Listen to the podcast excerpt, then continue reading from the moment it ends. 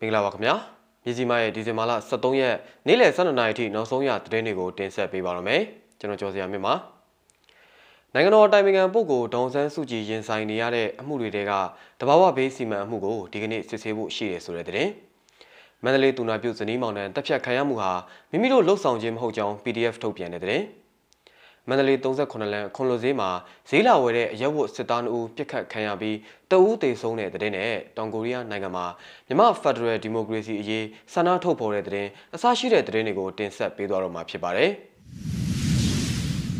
ပထမဆုံးအနေနဲ့နိုင်ငံတော်တိုင်ပင်ခံပုဂ္ဂိုလ်ဒေါန်ဆန်းစုကြည်ရင်ဆိုင်နေရတဲ့အမှုတွေတဲကတဘာဝဘေးစီမံအမှုကိုဒီကနေ့စစ်ဆေးဖို့ရှိတယ်ဆိုတဲ့သတင်းကိုတင်ဆက်ပေးပါမယ်။ နိုင်ငံတော်တိုင်ပင်ခံပုဂ္ဂိုလ်ဒေါန်ဆန်းစုကြည်ရင်ဆိုင်နေရတဲ့အမှုတွေတဲကတဘာဝဘေးအန္တရာယ်ဆိုင်ရာစီမံခန့်ခွဲမှုဥပဒေပုံမှန်25အမှုအတွက်ဒီကနေ့မှာဆွဆွဲခံရသူဘက်ကတင်သွင်းတဲ့တက်တွေအဖြစ်မန္တလေးတိုင်းဝန်ကြီးချုပ်ဒေါက်တာဇော်မြင့်မောင်ကိုဆင့်ခေါ်ထားတဲ့ပတ်သက်ပြီးစစ်ဆေးဖို့ရှိတယ်လို့ BBC ရဲ့သတင်းတပုတ်အရသိရပါဗျ။ပြီးခဲ့တဲ့ပတ်တွေကလေးကဒေါက်တာဇော်မြင့်မောင်ခံပြတက်တဲ့အဖြစ်လာရောက်ထွက်ဆိုဖို့ဆွဆွဲခံရသူဒေါန်ဆန်းစုကြည်ဘက်ကတင်ပြခဲ့ပေမဲ့ဒေါက်တာဇော်မြင့်မောင်ကိုကျမ်းမာရေးစစ်ဆေးတဲ့ဆရာဝန်ကဒေါက်တာဇော်မြင့်မောင်ဟာကျမ်းမာရေးအရခီးသွားဖို့မတင်သေးဘူးဆိုတဲ့မှတ်ချက်ကြောင့်နေပြည်တော်ကိုတွားရောက်ခွင့်မရခဲ့တာဖြစ်ပါတယ်။အဲဒီနောက်မှာတော့တရားရုံးကဒေါက်တာဇော်မြင့်မောင်ကိုစင့်ခေါ်စာအသစ်ထပ်မံပေးပို့ပြီးဒီကနေ့ကြားနာမှုမှာဆက်လက်စစ်ဆေးဖို့ရှိနေတာဖြစ်ပါတယ်။ဒီကနေ့စစ်ဆေးမဲ့တဘာဝဘေးစီမံမှုဟာဒေါန်ဆန်းစုကြည်ကိုအယက်သားတဦးဖြစ်တဲ့လေဝေးမြို့နယ်ကဦးညီညီခဦးထွန်းမြောင်ကတရားလိုပြုလုပ်ကတရားစွဲဆိုခဲ့တဲ့အမှုဖြစ်ပါတယ်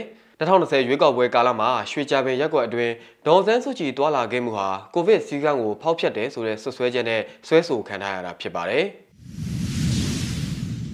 ဆက်လက်ပြီးမန္တလေးတူနာပြုဇနီးမောင်နှံတပ်ဖြတ်ခံရမှုဟာမိမိတို့လှုပ်ဆောင်ခြင်းမဟုတ်လို့ PDF ထုတ်ပြန်တဲ့သတင်းကိုတင်ဆက်ပေးပါမယ်။တူနာပြုဇနီးမောင်နဲ့ပြစ်ခတ်တပ်ဖြတ်ခံရမှုဖြစ်စဉ်ဟာမန္တလေးအခြေစိုက် UG မြို့ပြပျောက်ကြား PDF တွေနဲ့တပ်ဆိုင်ခြင်းမရှိကြောင်း Ranger of မန္တလေးအဖွဲ့ကဒီဇင်ဘာလ12ရက်နေ့ညပိုင်းကတရားဝင်သတင်းထုတ်ပြန်ပါတယ်။ မန္တလေးချမ်းမြတာစီမြို့နယ်နေကိုဝါကဖြိုးနယ်တူနာပြုမအေးချမ်းမြငိမ့်ဇနီးမောင်နယ်နှစ်ဦးဟာဒီဇင်ဘာလ12ရက်နေ့က62လမ်း104လမ်းနဲ့105လမ်းကြားမှာတနက်နဲ့ပြစ်တက်ခံခဲ့ရတာဖြစ်ပါတယ်။အဆိုပါကိစ္စနဲ့ပတ်သက်ပြီးကျွန်တော်တို့ RON မြို့ပြပျောက်ကြားနဲ့မဟာမိတ်ညီကိုတွေအနေနဲ့လှုပ်ဆောင်မှုမရှိပါ၍ကျွန်တော်တို့နဲ့သက်ဆိုင်ခြင်းမရှိပါကြောင်းအတိပေးထုတ်ပြန်လိုပါတယ်ဆိုပြီးထုတ်ပြန်ထားတာပါ။ မန္တလေးအခြေစိုက်မျက်မြင်တွေရဲ့အဆိုအရတူနာပြုတ်ဇနီးမောင်နှံတပ်ဖြတ်ခံရမှုဟာစစ်တပ်နဲ့တပ်ဆိုင်ကြောင်းပြောဆိုခဲ့ကြပေမဲ့စစ်တပ်က၎င်းတို့လက်ချက်မဟုတ်ပဲတူနာပြုတ်လင်မယားကိုစိုင်ကယ်သမားနှစ်ဦးကလောက်ကျန်ခြင်းဖြစ်တယ်လို့ထုတ်ပြန်ထားပါတယ်။ဒါပြင်အခင်းဖြစ်ရာနေရာမှာအမေရိကန်ထုတ်ကြီးစံတွေတွေ့ရှိရကြောင်းနဲ့တူနာပြုဆီယာမဒေါ်ချမ်းမြငိမ့်ဟာစီရီယန်မှာပါဝင်ခြင်းမရှိတာကြောင့် PDF တွေကပြစ်ခတ်ခြင်းဖြစ်တယ်လို့ CCTV မှတ်တမ်းမှရရှိတဲ့ဓာတ်ပုံတစ်ပုံထုတ်ပြန်ပြီး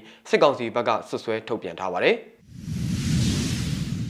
ဆက်လက်ပြီးမန္တလေး38လမ်းအခွန်လို့ဈေးမှာဈေးလာဝယ်တဲ့ရဲဝတ်စစ်သားနှုတ်ပြက်ခတ်ခံရပြီးတအူးတေဆုံးတဲ့တဲ့တင်ကိုတင်ဆက်ပေးပါမယ်။မန္တလေး38လမ်းအခွန်လွန်ဈေးမှာဒီကနေ့ဒီဇင်ဘာလ23ရက်မနက်6နာရီဝန်းကျင်ကဈေးလာဝယ်သူ2ဦးပြစ်ခတ်ခံရပြီး2ဦးတေဆုံးသွားတယ်လို့ခေတ်သစ်သတင်းဌာနရဲ့ဖော်ပြချက်အရသိရပါဗျ။ဆိုင်ကယ်နဲ့ဘေးကနေကတ်လိုက်တာပြီးတော့တိပစ်သွားတယ်။တယောက်ကတော့နှထင်မှန်ပြီးသေတယ်။နောက်တယောက်ကနှထင်ရှက်ထိတယ်။နောက်ကျောလဲထိသွားတယ်။သွေးတွေနဲ့မျက်နှာကိုအုပ်ပြီးပြေးသွားတယ်။လက်မှာလည်းပဲ့ပင်ပေါက်ထုတ်ကြီးကင်ထားတယ်လို့မျက်မြင်တွေ့ရှိသူတူကရန်ကုန်ခေတ်သစ်သတင်းဌာနကိုပြောပါဗျ။ဒေသခံတွေရဲ့အဆိုအရတည်ဆုံးခဲ့တဲ့စစ်သားဟာတက်ကြက်အဆင့်ရှိစစ်သားဖြစ်ပြီးအလွန်တောင်းကျမ်းဆိုးသွမ်းသူဖြစ်တယ်လို့လည်းသိရှိရပါတယ်။ အခုတော့ဈေးတယ်တွေလည်းစိုင်တွေတိမ့်ပြီးပြန်ကုန်ပြီစစ်ခွေးတွေကအလောင်းလာပြန်တယ်တယ်တနက်၅ချက်ဖောက်ပြီးပြန်သွားတယ်တည်သွားတဲ့စစ်သားကလည်းနေတိုင်းမြင်တွေ့နေရတဲ့စစ်သားပါအခုရက်ွက်ရုံမှာစစ်ကားအသေးနှစီးနဲ့အင်အား20လောက်ထပ်ဖြည့်ထားပါတယ်လို့မျက်မြင်တွေ့ရှိတဲ့အခြားဒေသခံတူကပြောပါတယ်လက်ရှိအချိန်မှာပြည်သူတူမှဖမ်းဆီးခံရခြင်းမရှိပေမဲ့အချမ်းဘက်စစ်ကောင်စီတပ်ဖွဲ့ဝင်တွေဟာအနီးပတ်ဝန်းကျင်ကိုပိတ်ဆို့စစ်ဆေးနေတယ်လို့သိရပါတယ်။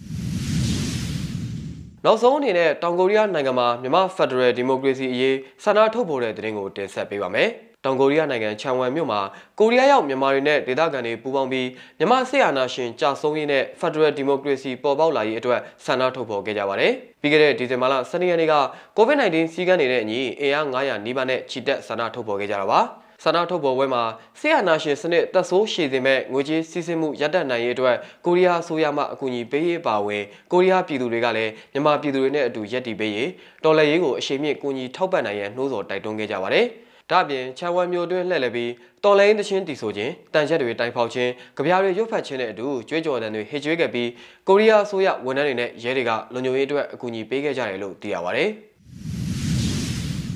မြစည်းမရဲ့ဒီဇင်ဘာလ23ရက်နေ့လယ်12နာရီထိနောက်ဆုံးရသတင်းတွေကိုတင်ဆက်ပေးကြတာပါမြန်မာပြည်သူပြည်သားပေါင်းဘေးရန်တွေမျိုးမျိုးကနေကင်းဝေးကြပါသည်ခင်ဗျာ။